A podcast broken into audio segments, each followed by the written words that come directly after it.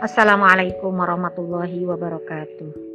Alhamdulillahirrahmanirrahim Allahumma salli ala Muhammad wa ala ali Muhammad. Allahumma salli ala Muhammad wa ala ali Muhammad.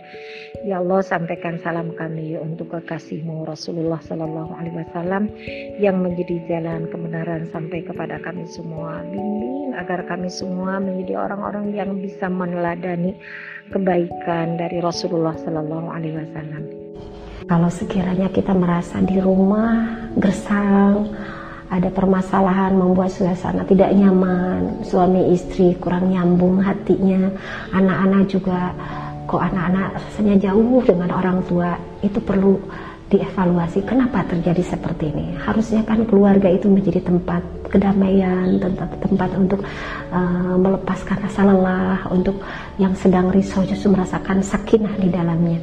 Salah satu penyebabnya adalah karena di rumah tidak pernah dibacakan ayat-ayat Allah di rumah tidak pernah dibacakan ayat-ayat Allah. Jadi hati yang tidak pernah diisi dengan ayat Quran akan terasa gelisah, mati hatinya.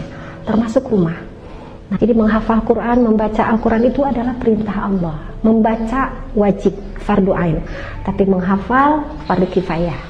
Nah, jadi kalau misalnya di keluarga ada anak-anak atau suami istri tidak pernah membaca Al-Quran, itu tanggung jawab.